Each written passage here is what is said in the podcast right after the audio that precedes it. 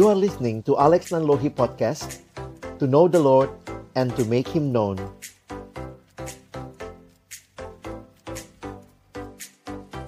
Kepada Bang Alek kami persilakan.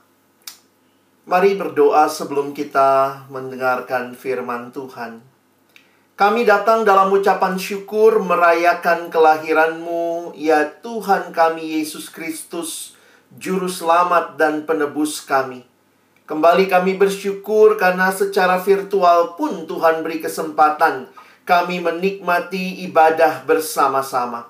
Kami akan membuka firman-Mu ya Tuhan, kami mohon. Kiranya juga Engkau boleh membuka hati kami. Jadikanlah hati kami seperti tanah yang baik. Supaya ketika benih firman-Mu ditaburkan boleh sungguh-sungguh berakar, bertumbuh, dan juga berbuah nyata di dalam hidup kami. Berkati hambamu yang menyampaikan semua kami yang mendengar. Tuhan tolonglah agar kami bukan hanya jadi pendengar-pendengar firman yang setia, tapi mampukan dengan kuasa dan pertolongan dari rohmu yang kudus, kami dimampukan menjadi pelaku-pelaku firman-Mu di dalam hidup kami, di dalam keseharian kami. Bersabdalah ya Tuhan, kami anak-anakmu sedia mendengarnya dalam satu nama yang kudus, nama yang berkuasa, nama Tuhan kami Yesus Kristus. Kami menyerahkan pemberitaan firman-Mu. Amin. Di daerah itu ada gembala-gembala yang tinggal di padang menjaga kawanan ternak mereka pada waktu malam. Tiba-tiba berdirilah seorang malaikat Tuhan di dekat mereka Tuhan bersinar meliputi mereka dan mereka sangat ketakutan. Lalu kata malaikat itu kepada mereka, Jangan takut, sebab sesungguhnya aku memberitakan kepadamu kesukaran besar untuk seluruh bangsa. Hari ini telah lahir bagimu juru selamat, yaitu Kristus, Tuhan, di kota Daud.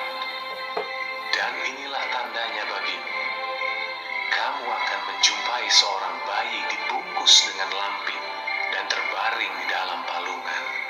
Dan tiba-tiba tampaklah bersama-sama dengan malaikat itu sejumlah besar bala tentara sorga yang memuji Allah. Katanya,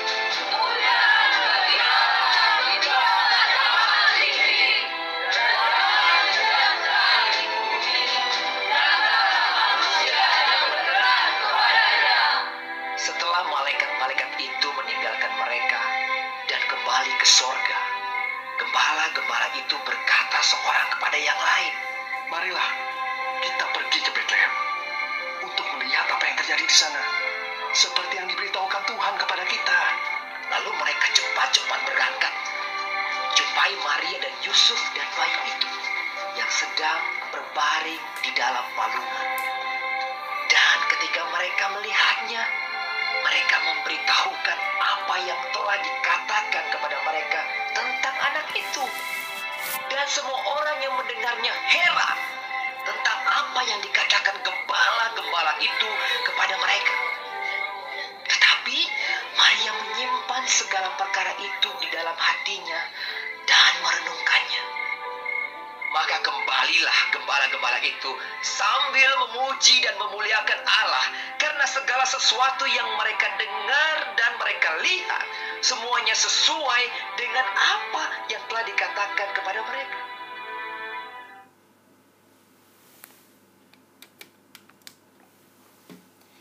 Hope for Despair.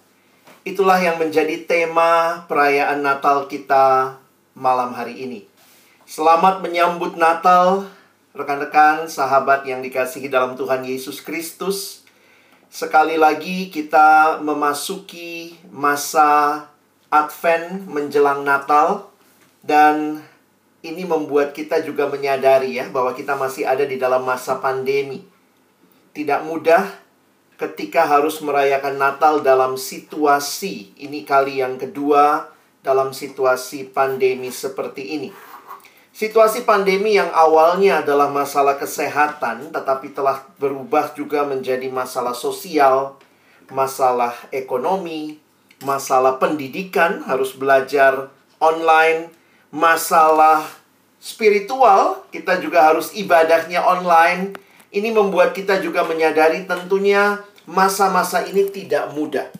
Seperti yang dikatakan tadi, mungkin ini masa-masa di mana kita juga masih mengingat duka cita kehilangan orang-orang yang kita kasihi. Baik mungkin itu keluarga, atau mungkin juga ada yang punya kenalan, sahabat, orang-orang yang dekat dalam lingkaran kita. Ini masa-masa sulit mungkin untuk mendapat pekerjaan, sehingga banyak sarjana COVID harus menganggur terlebih dahulu. Sulit juga untuk melihat bahwa pergumulan kesehatan juga jadi bagian kehidupan di tengah-tengah banyak penyakit lain yang mungkin waktu kita fokus sama COVID ternyata juga ada penyakit-penyakit lain yang menjadi pergumulan dalam banyak pergumulan kita. Juga tinggal di rumah ternyata tidak mudah juga buat keluarga, teman-teman alumni yang suami dan istri dan anak juga ada pergumulan dalam rumah tangga, pergumulan mencari pasangan hidup. Wah, banyak yang cerita sama saya, "Bang, makin sulit. Tidak ketemuan aja sulit apalagi harus online begitu ya." Dan ini semua membuat kita melihat banyak sekali emosi-emosi negatif yang muncul. Nah, teman-teman, saya minta waktu sebentar, sekitar satu menit. Yuk kita coba pikirkan dan tuliskan ya. Silakan kalau terpikir langsung tuliskan satu atau dua emosi negatif apa yang dialami banyak orang di masa pandemi ini. Ya, coba kita berpikir sebentar emosi negatif apa yang banyak atau yang dialami banyak orang di masa pandemi ini. Silakan teman-teman boleh menulis di kolom chat sehingga nanti kita juga bisa melihat ya apa saja yang mungkin menjadi masukan dari teman-teman sekalian. Silakan. Khawatir. Oke.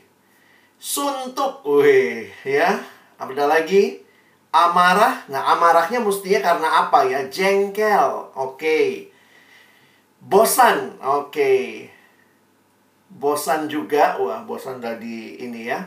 Labil, Bang Joni labil ini. Takut terinfeksi, jadi ketakutan. Terima kasih Mbak Yul. Kecewa. Kak Nurani mudah putus asa, gampang menyerah. Ya udahlah, emang sudah begini. Stres, overthinking, kecemasan lapar. Joshua kelaparan terus ya. Nangis-nangis Bang Ipan. Hampa, tidak ada uang, sedih. Kak Grace sedih ya. E, cemas ya.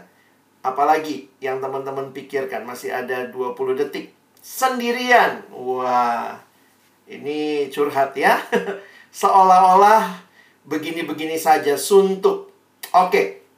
Baik teman-teman kita tinggalkan dulu ya uh, apa yang teman-teman katakan yang jadi pertanyaan saya begini sebenarnya dari begitu banyak emosi yang kita sampaikan tadi yang mana yang jadi bagianmu jadi bisa jadi ya mungkin teman-teman waktu nulis tadi juga itu adalah apa yang kamu rasakan di dalam uh, psychology yang masuk dalam emosi negatif saya kaget juga marah tuh nggak masuk ya kenapa marah tidak masuk karena marah itu respon selanjutnya dari sebuah emosi sebenarnya. Jadi bisa jadi kalau marah mesti cari tahu dulu marahnya karena apa.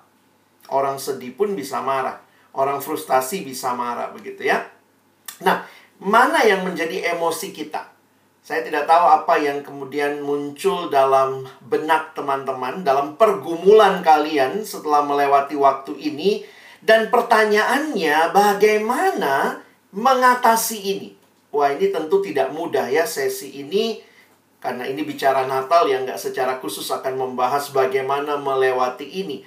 Tetapi kita harus ingat bahwa ada hal yang penting waktu Natal harus kita ingat. Apa sih yang paling penting waktu Natal? Kalau kita bicara yang paling penting dalam Natal, saya ingat kalimat indah dalam bahasa Inggris ya.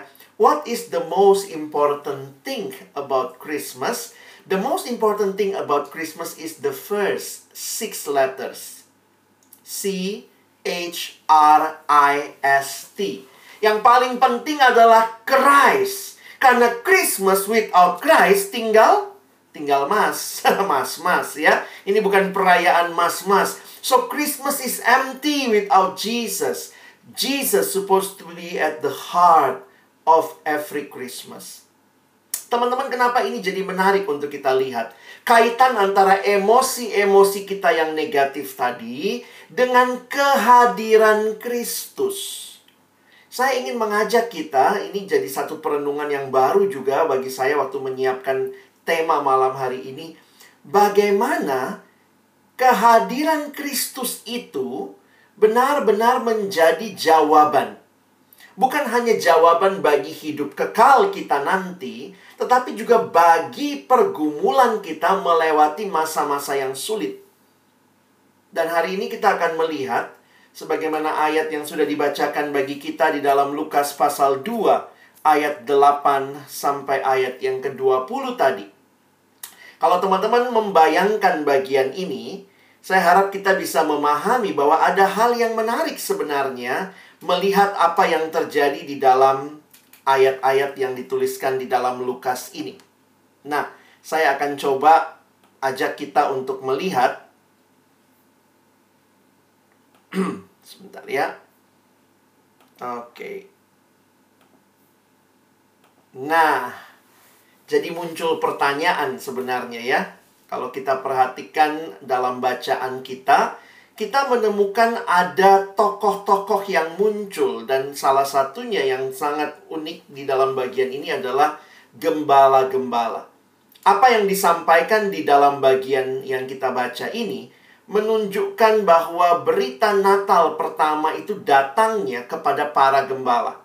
Jadi kalau kita perhatikan ini jadi berita yang luar biasa yang disampaikan kepada para gembala mengingat siapakah gembala itu. Tetapi bagi saya, menarik sekali waktu merenungkan bagian ini karena saya akhirnya menyadari teman-teman ada juga tokoh yang lain, ada Maria, ada Yusuf, coba lihat itu ya, ada di dalam ayat yang ke-16. Ada Maria, ada Yusuf, ada bayi Yesus begitu ya. Dan kemudian kalau kita perhatikan, inilah yang kita katakan sebagai Natal pertama. Tapi apa yang menarik untuk kita perhatikan sama-sama? Saya ingin teman-teman kita untuk melihat sebentar apakah Natal pertama itu sungguh-sungguh seperti yang kita bilang, Merry Christmas. apakah Natal itu beritanya awalnya itu adalah Merry Christmas? Merry artinya gembira. Ternyata waktu membayangkan Natal pertama itu tidak mudah, teman-teman. Khususnya berita Natal yang datang kepada tokoh-tokoh ini. Dari mana kita tahu tidak mudah? Karena perhatikan kalimat malaikat. Malaikat selalu berkata, "Jangan takut." Itu yang muncul. Kepada Maria, kalimatnya "jangan takut." Kepada Yusuf, Kalimatnya juga, jangan takut. Kepada para gembala, kalimat yang sama, jangan takut. Jadi kalau kita ingat, apakah benar ini Merry Christmas ya? Bayangkan emosinya Yusuf dan Maria, teman-teman. Ya, kadang-kadang kita sih taunya ceritanya sudah asik gitu ya. Wah, kita sekarang nyanyi lagu Natal begitu. Tapi bayangkan kalian jadi orang tuanya Maria deh tiba-tiba anaknya hamil, lalu hamilnya bilangnya lagi dari roh kudus, begitu ya. Jadi nggak ada laki-lakinya, kira-kira seperti itu. Bayangkan Yusuf yang sudah bertunangan dengan Maria. Teman-teman dalam tradisi Yahudi pada waktu itu, masa pertunangan itu sudah dianggap seperti pernikahan.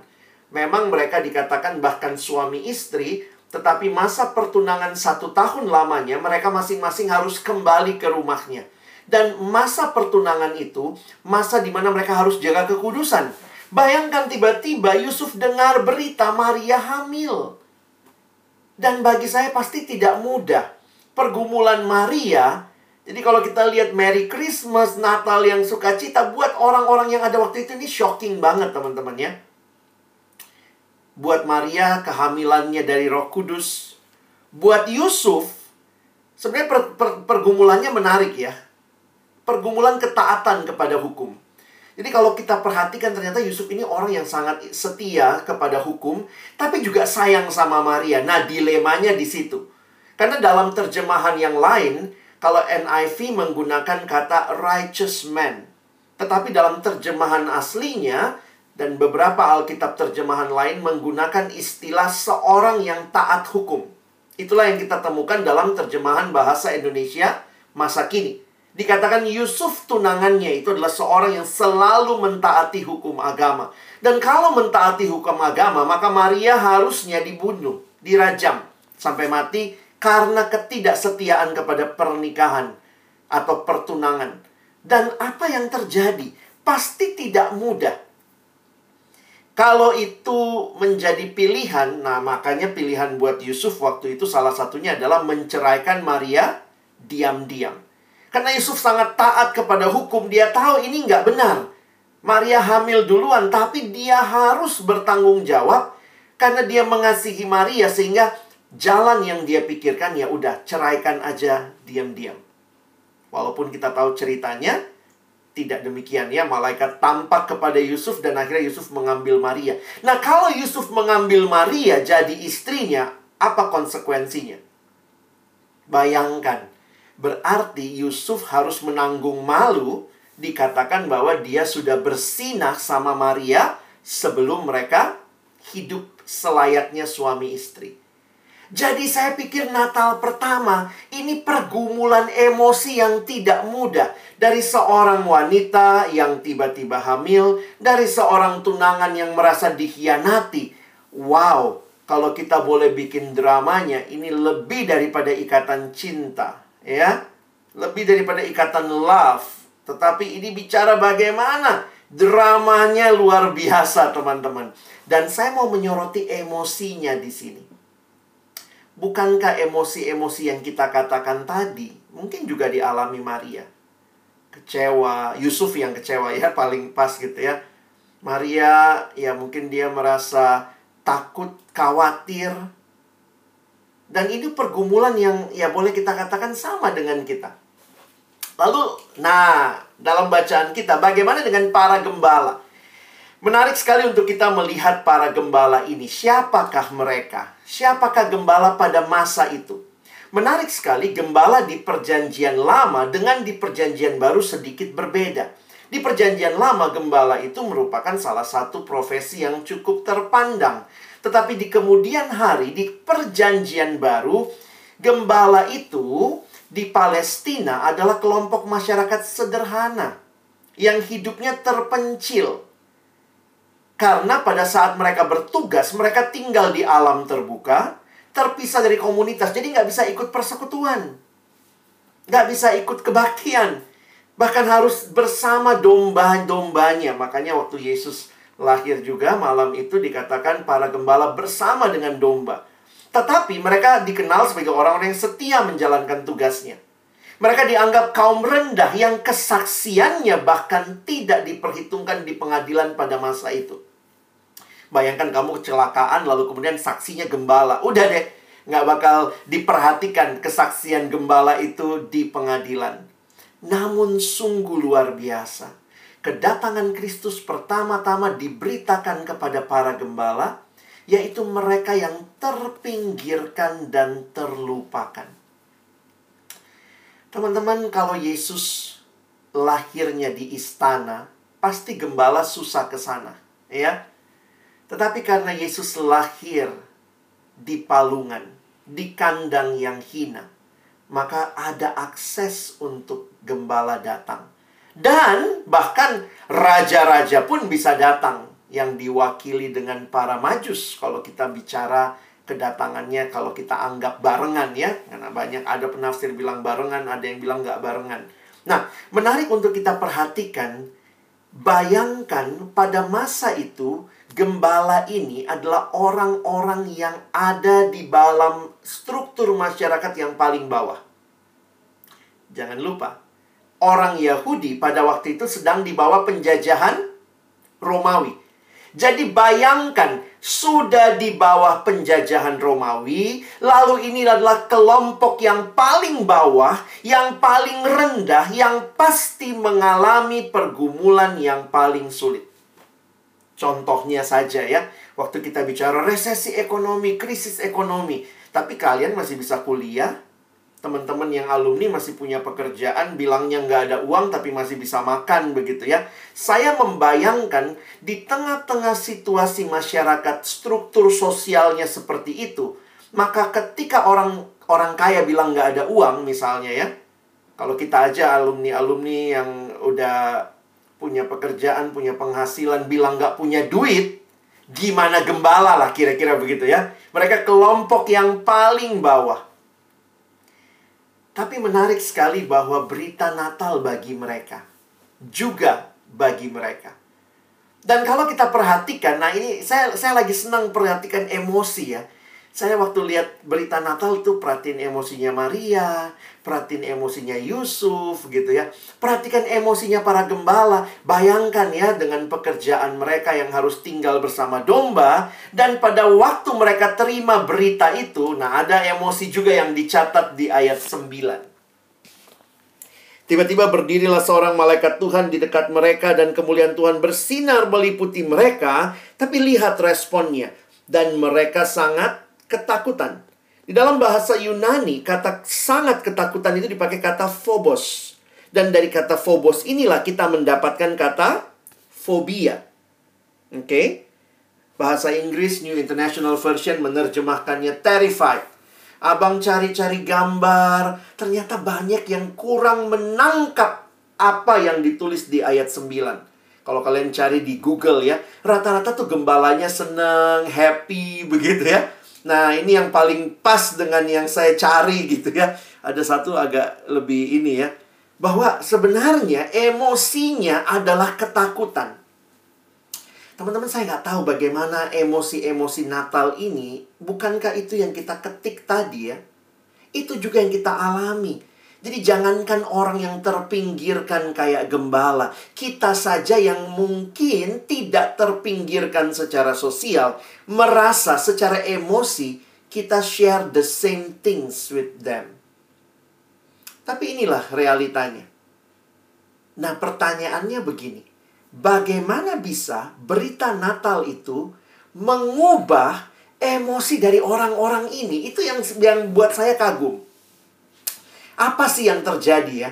Memang saya lihat tidak satu, dua, tiga. Langsung berubah. Tetapi ada proses. Maria dengan prosesnya.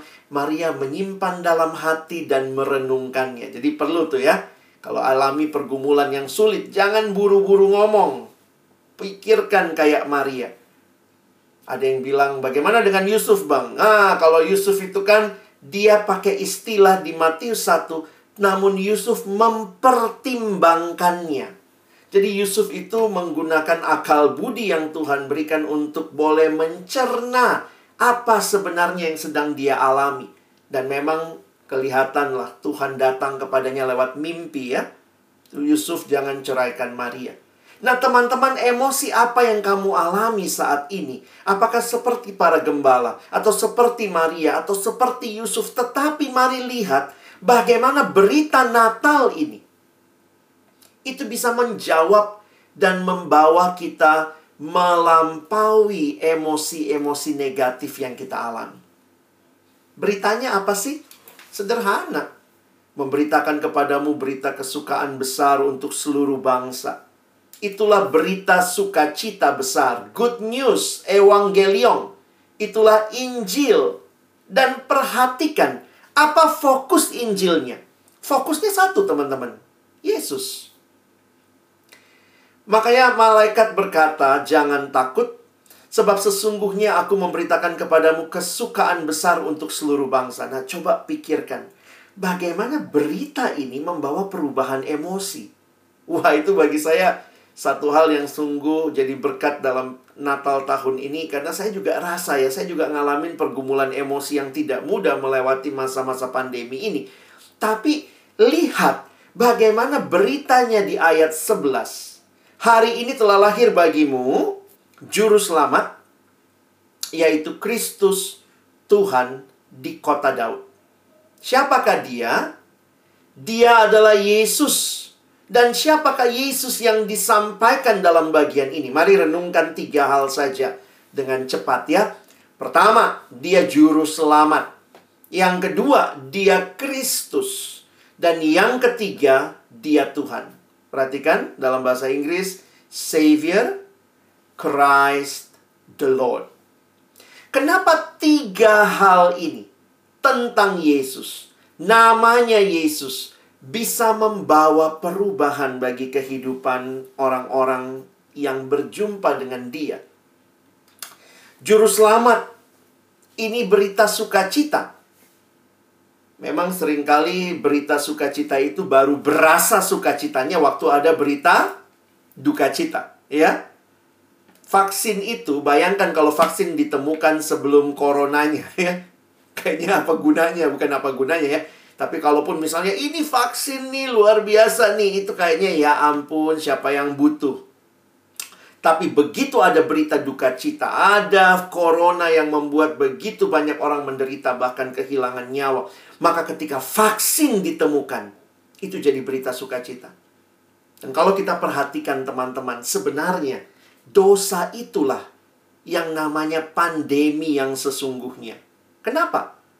Karena kalau kita bilang COVID pandemi betul juga karena terjadi di banyak tempat di dunia. Tetapi kalau kalian perhatikan nggak semua orang kena kan? Tetapi ketika Alkitab bicara dosa, maka dosa ini adalah pandemi yang sesungguhnya karena siapa yang berdosa? Semua orang telah berbuat dosa. Dan telah kehilangan kemuliaan Allah. Jadi saya membayangkan ini berita duka cita terbesar di bawah kolong langit. Bahwa ada yang lebih ngeri daripada COVID yaitu dosa yang melanda seluruh umat manusia. Ada yang nggak pernah kena COVID kan sampai hari ini, puji Tuhan. Tapi kita disebutnya pandemi karena melanda banyak tempat di dunia. Tapi dosa yang kena ke semua orang ini adalah pandemi yang sesungguhnya. Dan ujungnya adalah maut. Bayangkan kalau orang hidup di dalam dosa, apalagi harapannya. Makanya sin hanya membawa kepada hopeless end. Akhir yang tak berpengharapan. Tapi puji Tuhan, Yesus vaksinnya. Wih, mungkin bukan vaksin ya, Yesus jauh lebih dari vaksin. Tapi saya membayangkan sebagaimana dunia menunggu vaksin yang ampuh maka Yesus menjadi jawaban. Sebab upah dosa adalah maut. Tetapi karunia Allah ialah hidup yang kekal dalam Kristus Yesus Tuhan kita. Yesus adalah solusi yang Allah berikan bagi kita. Dia adalah satu-satunya Tuhan dan Juru Selamat. Kita mencari kehidupan, datanglah kepada Dia. Di dalam Matius 1, dalam berita yang disampaikan malaikat kepada Yusuf, dikatakan ia, yaitu Maria akan melahirkan anak laki-laki dan engkau Yusuf akan menamakan dia Yesus karena dialah yang akan menyelamatkan umatnya dari dosa mereka. Teman-teman, kenapa nama Yesus itu bisa membawa kita dalam perubahan emosi? Karena Yesus adalah juru selamat yang kekal. Namun bukan hanya itu, dia juga Kristus. Apa artinya Kristus? Kalau kita buka di Alkitab kita, ada kamus di belakang. Kalau lihat Kristus, disuruh lihat. Nah, terjemahan Yunani dari kata Ibrani Masyiah atau Mesias atau Al-Masih bahasa Arabnya. Artinya yang diurapi oleh Tuhan. Yesus disebut Kristus karena dialah yang dipilih Allah menjadi penyelamat dan Tuhan. Akhirnya Kristus juga menjadi nama diri untuk Yesus. Saya membayangkan begini, ingat, para gembala ini sebenarnya orang Yahudi ya. Mungkin waktu kecil mereka juga sudah pernah membaca atau mendapat pendidikan dari kitab Taurat. Karena saya meyakini bahwa orang-orang Yahudi dari masa kecil mereka, mereka punya pengharapan akan Mesias. Jadi kalau mereka dengar kata Mesias, Kristus, kira-kira apa yang muncul? Tentunya mereka bisa mengingat kembali salah satunya kepada nubuat Yesaya yang menubuatkan kedatangan Mesias. kurang lebih 700 tahun sebelum kelahiran Yesus. Jadi kata Kristus ini memberikan kepada kita satu hal yang pasti bahwa seperti yang ditulis di Galatia 4 ayat 4. Tetapi setelah genap waktunya, maka Allah mengutus anaknya yang lahir dari seorang perempuan dan takluk kepada hukum Taurat. Ia diutus untuk menebus mereka yang takluk kepada hukum Taurat supaya kita diterima menjadi anak. 700 tahun. Wow, panjang banget. Teman-teman kita nunggu nunggu pekerjaan aja 2 tahun ini udah capek ya. Nunggu pasangan hidup udah berapa lama nih? Jomblomu udah berapa lama? Kadang-kadang kita capek ya. Tapi ayat-ayat ini, kata Kristus ketika didengar oleh gembala, tentunya mereka meyakini seperti Petrus berkata, Tuhan tidak lalai menepati janjinya. Sekalipun ada orang yang menganggapnya sebagai kelalaian, tetapi ia sabar terhadap kamu karena ia menghendaki supaya jangan ada yang binasa, melainkan supaya semua orang berbalik dan bertobat. Kristus adalah satu penggenapan dari apa yang Allah janjikan 700 tahun sebelumnya. Bahkan dari Taman Eden. Ketika manusia jatuh ke dalam dosa, Allah berkata bahwa perempuan ini keturunannya akan meremukkan kepala ular. Janjinya digenapi sekian ribu tahun kemudian. Tetapi ingat, Tuhan tidak lalai menepati janjinya. Teman-teman yang sedang bergumul dengan penyakit, teman-teman yang sedang bergumul dengan menanti-menanti, kadang-kadang kita rasanya Tuhan sampai kapan? Tapi nama Kristus mengingatkan Tuhan tidak lalai menepati janjinya. Dan dia bukan hanya juru selamat, dia bukan hanya Kristus, tetapi dia juga Tuhan. He is Lord. Di dalam Alkitab ada dua konsep yang menarik. Pertama konsep pencipta. Kalau Allah mencipta, dia pencipta.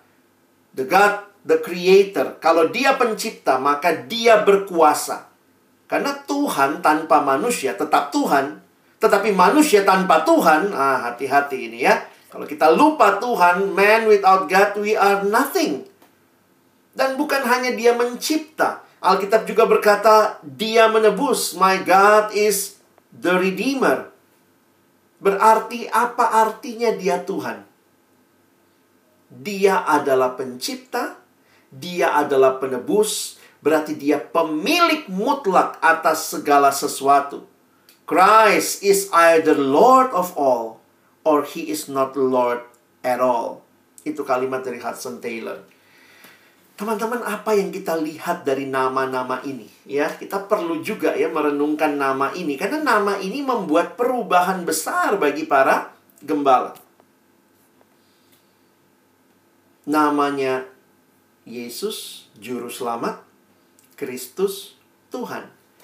Saya agak kagum sebenarnya melihat ini ya, respon-respon gembala ini. Karena begini, mereka kan sudah lama nih ya, mungkin dalam pekerjaan agak tertekan UMR-nya nggak naik juga gitu ya. UMP-nya juga tidak bergerak misalnya dan naiknya cuma berapa? 37 ribu begitu ya. Sehingga sulit sekali buat mereka untuk menghayati bagaimana janji yang diberikan. Dan bayangkan malaikat datang, datangnya bilang begini. Hari ini telah lahir bagimu yaitu juru selamat Kristus Tuhan di kota Daud. Dan yang lebih menarik lagi ayat 12. Inilah tandanya bagimu, kamu akan menjumpai seorang bayi. ini kalau dijanjiin Teman-teman bayangkan aja, teman-teman nanti akan datang uh, presiden yang akan membebaskan kamu dari kemiskinan misalnya ya. Terus kamu disuruh lihat bayi. Waktu lihat ya ampun, kapan baru dibebasinnya gitu ya. Masih kecil banget gitu. Nah, teman-teman perhatikan ada tiga tanda yang mereka harus ingat. Ada bayi, dibungkus dengan lampin, dan terbaring di dalam palungan. Nah, ini tanda yang cukup spesifik. Kalau bayi, oke okay lah ya, spesifik. Tapi jangan lupa, mungkin malam itu bukan cuma Yesus yang lahir di Bethlehem. Ada bayi lain mungkin yang juga lahir. Dibungkus dengan lampin itu juga sebenarnya agak normal karena semua bayi yang lahir dibungkus dengan lampin. Tapi yang mungkin extraordinary adalah terbaring di dalam palungan. Sehingga perhatikan respon mereka. Setelah malaikat-malaikat itu meninggalkan mereka kembali ke sorga, kembali-kembali itu berkata seorang kepada yang lain, Marilah kita pergi ke Bethlehem untuk melihat apa yang terjadi di sana seperti yang diberitahukan Tuhan kepada kita. Puji Tuhan ya, walaupun mereka terasing dari hidup keagamaan, tapi mereka percaya berita itu. Makanya mereka datang tuh ya, pergi cepat-cepat. Ayat yang ke-16 dalam terjemahan bahasa Inggris bahkan dipakai kata berlari they ran. Lalu mereka cepat-cepat berangkat dan menjumpai Maria dan Yusuf dan bayi itu yang sedang terbaring di dalam palungan. Apa yang bisa kita perhatikan dari apa yang kita baca dan renungkan ini? Bagi saya yang menarik bagi tokoh-tokoh yang muncul di sekitar Natal dengan pergumulan emosinya tapi satu hal yang sama. Mereka semua memandang kepada Allah. Mereka belajar melihat dari perspektif Allah. Walaupun gak mudah ya. Masih ingat Maria? Maria berkata, sesungguhnya aku ini adalah hamba Tuhan. Jadilah padaku menurut perkataanmu itu. Maria taat. Maria memberi diri Tuhan, jadilah padaku menurut perkataanmu itu. Perkataan malaikat ya. Lalu malaikat itu meninggalkan Maria. Lihat respon Yusuf. Yusuf juga taat. Sesudah bangun dari tidurnya, Yusuf berbuat seperti yang diperintahkan malaikat itu kepadanya. Ia mengambil Maria sebagai istrinya, tetapi tidak bersetubuh dengan dia sampai ia melahirkan anaknya laki-laki. Dan ingat tadi ya, malaikat bilang Yusuf, namain Yesus. Yusuf taat menamakan dia Yesus. Kasih Yusuf kepada Allah dia taat. Kasih Yusuf kepada Maria, dia berkorban. Berarti kalau Yusuf mengambil Maria, berarti Yusuf menanggung malu. Makanya di dalam beberapa tafsiran ada yang berkata bahwa Yesus pada waktu itu dianggap sebagai anak dari hasil sinah. Hubungan sinah karena Maria sudah hamil di dalam masa pertunangan yang sebenarnya belum boleh melakukan hubungan seksual. Teman-teman, kenapa bisa begini ya? Tadinya takut, Maria yang mungkin begitu tahu dia hamil, dia juga takut, dia merasa kecewa, dia malu, tiba-tiba berubah jadi taat. Bagaimana Yusuf yang tadinya berniat menceraikan bahkan begitu taat dan melakukan. Jadi ini kan perubahan emosi semua ya. Kenapa bisa gitu? Dan lihat gembala juga begitu. Kalau kalian perhatikan gembala-gembala ini yang tadinya mereka itu dikatakan sangat ketakutan, tetapi di bagian akhirnya ini bukan bukan cuman tidak takut tapi kayak party, let's party gitu ya. Nah, makanya waktu dia melihat apa yang dikatakan tentang anak itu, mereka tuh memberitahukan apa yang dikatakan tentang anak itu. Dan semua orang yang mendengarnya heran. Jadi mereka cerita. Bayangkan ya, mereka mungkin orang yang tidak didengarkan kesaksiannya, mungkin juga mereka malas cerita. Tetapi hari itu mereka cerita dan ayat yang ke-20 menuliskan sambil memuji dan memuliakan Allah. Ingat, yang mereka temukan bukan Yesus yang besar, yang sudah memerintah, bukan Yesus yang melakukan keadilan. Mereka ketemu bayi. Bayi, teman-teman. Tetapi kenapa mereka mengalami perubahan itu? Karena apa yang mereka dengar dan mereka lihat semuanya sesuai dengan apa yang dikatakannya kepada mereka. Waktu pulang dari membesuk ya apa datang melihat Yesus yang lahir. Apa yang berubah? Coba teman-teman pikir, apa yang berubah dari hidup para gembala waktu pulang? Apakah gembala tiba-tiba berubah jadi konglomerat?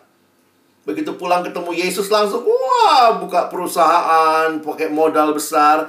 Enggak. Saya kadang-kadang mikir, apa sih yang berubah? Enggak ada yang berubah. Mereka tongkat gembalanya masih sama, dombanya juga masih itu kali mukanya gitu ya, masih dia melayani, tidak ada yang banyak berubah. Tetapi bagi saya yang menarik adalah mereka mengalami emosi yang berubah. Kalau psikologi bilangnya gini ya, emosi negatif harus diubah jadi emosi positif. Tapi gimana mengubahnya macam-macam ya. Tapi kita diingatkan bahwa Yesus adalah juru selamat. berarti kita punya kepastian akan pengampunan dosa dan hidup kekal. Teman-teman saya nggak tahu berapa banyak yang masa-masa pandemi ini di rumah terus gitu ya, main internet terus, malah jatuh ke dalam dosa pornografi. Kamu sudah bosan sama kejatuhanmu berulang kali. Mungkin kamu rasa, aduh Tuhan bagaimana, tapi kepastian bahwa dia mengampuni dosamu. Bangkit, jangan tinggal dalam emosi negatif, mengasihani diri dan menikmati dosa. Dia Kristus Allah tidak pernah ingkar janji.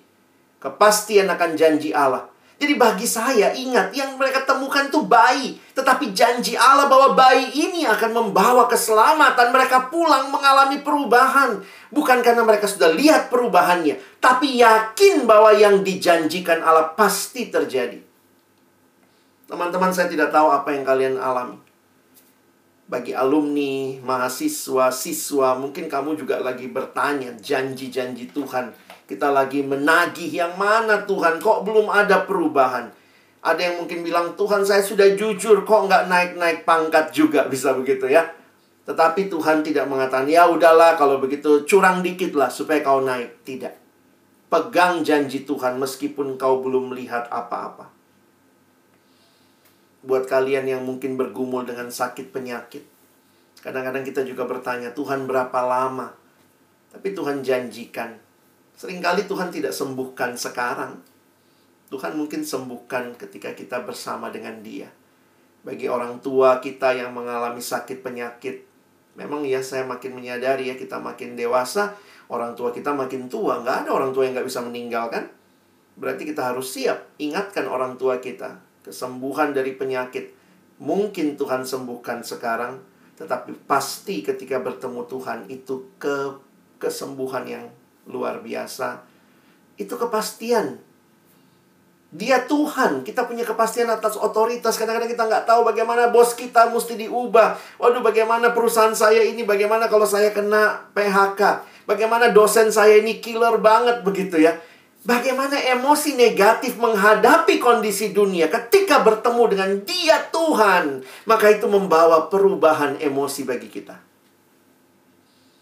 Dan saya senang dengan kalimat dari Rick Warren. Dia bilang begini, when our focus change, our feelings change. Wah, ini bisa jadi like this ya. When our focus change, our feelings change. Hari itu, gembala pulang tidak mengalami perubahan status tiba-tiba jadi konglomerat. Tapi fokus mereka bukan lagi hanya lihat domba. Dia sudah melihat Kristus, juru selamat Tuhan yang masih kecil. Tapi inilah janji Allah yang digenapi. Mereka pulang nampaknya sukacita banget. Bahkan mereka dikatakan memuji-muji Tuhan, menceritakan. Makanya kita selalu biasanya nyanyi kalau Natal, hai siarkan di gunung ya, seperti para gembala yang mendengarkan berita itu. Seringkali yang Tuhan ubah teman-temanku bukan situasinya. Sometimes God doesn't change your situation because He is trying to change your heart. Apa itu hope in despair? Jangan berharap hope in despair adalah tidak ada masalah.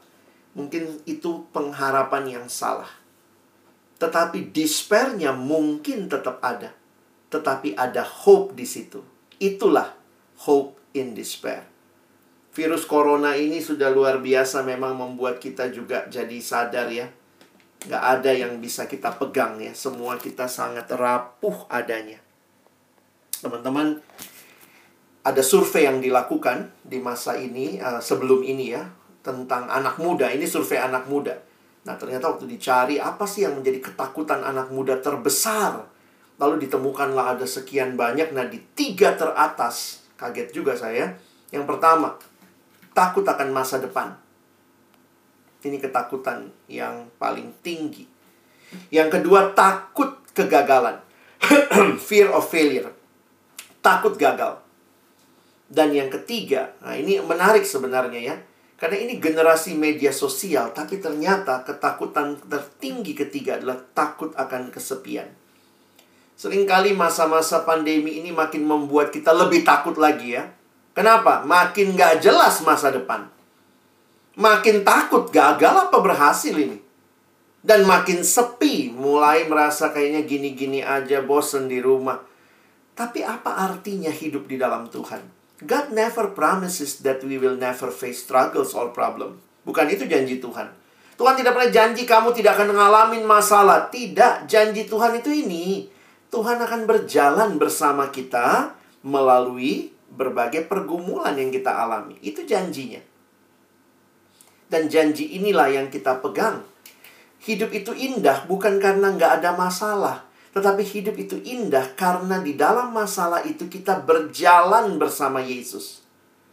Jadi bukan masalah nggak ada pandemi atau ada pandemi. Tapi apakah kita bersama Yesus atau tidak? Buat apa hidup tanpa pandemi, tapi tidak bersama Yesus? Jadi kadang-kadang bukan masalah pandemi nggak pandemi. Hidup kita sebagai murid Tuhan pun tidak selamanya mengalami kelancaran penderitaan, kesukaran hidup adalah bagian yang nyata dari hidup beriman kepada Kristus. Tetapi kita diberikan kekuatan, kita diberikan keyakinan bahwa bersama dengan Yesus yang telah mati dan bangkit, kita dimampukan untuk mengatasi hal tersebut. Seringkali sekali lagi situasinya belum berubah, tapi Tuhan sudah ubahkan perasaan kita.